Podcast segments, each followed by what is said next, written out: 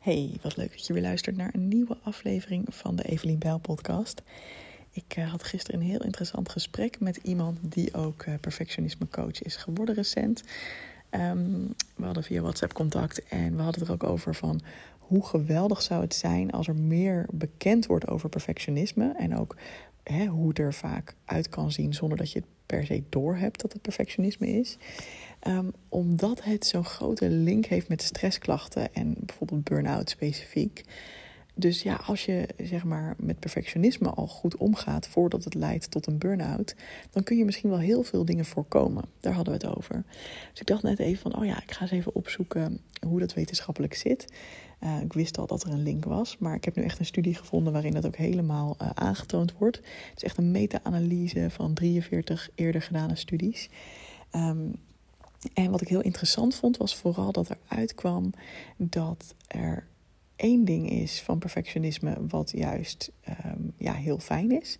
En een ander ding dat juist zorgt voor die stressklachten.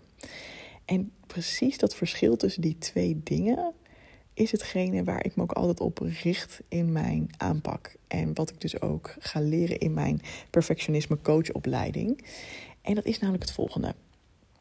Kijk, er is iets heel moois aan hoge standaarden hebben. En dat is ook iets wat we vaak linken aan perfectionisten. Uh, is dat ze hoge standaarden hebben, dat ze hè, op een bepaalde manier dingen heel goed willen doen.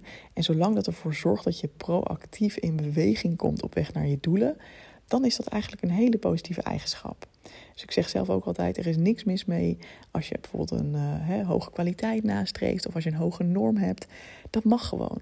Maar wanneer het problematisch wordt, wanneer het misgaat, dat is eigenlijk als je heel veel perfectionistische zorgen hebt. Dat is hoe zij het in het artikel noemen, in dat onderzoek. En uh, die zorgen die gaan dus over van presteer ik wel goed genoeg? Ben ik wel een goede vriend, vriendin, partner, moeder, vader? Nou ja, noem het maar op. Um, dus de zorgen, die leiden tot soort van angsten en ja, gewoon algehele levels van een gevoel van druk op jezelf. Dat kan uiteindelijk leiden tot heel veel stress en dus ook burn-out. En dat is dus heel interessant, want dat betekent dus dat we ons in onze aanpak kunnen richten op het behouden van de mooie dingen dus als iemand heel goed werk wil leveren of een hele goede vriend, vriendin, partner, oma, moeder, vader, opa wil zijn, dat is helemaal oké. Je mag dat graag willen zijn. Maar dan kunnen we ons vervolgens richten op hoe ben je dat op een manier die niet zorgt voor gigantisch veel druk en stress op jezelf. Dus hoe hou je dat wel realistisch? Wat koppel jij ook vervolgens aan het zijn van een goede partner of het leveren van goede kwaliteit werk.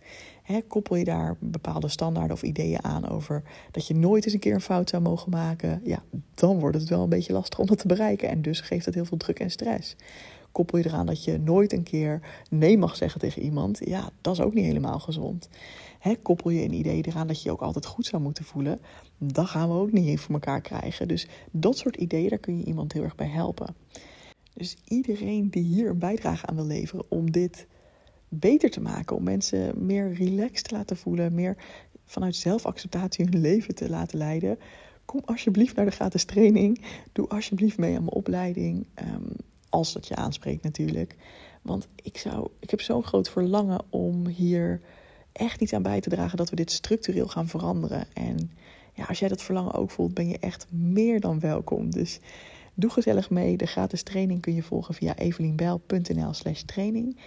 En ja, ik hoop je gewoon heel erg aan de andere kant te zien. En ik hoop heel erg een collega van jou te worden in deze, ja, toch wel een soort van strijd om iets echt structureel te veranderen in de wereld.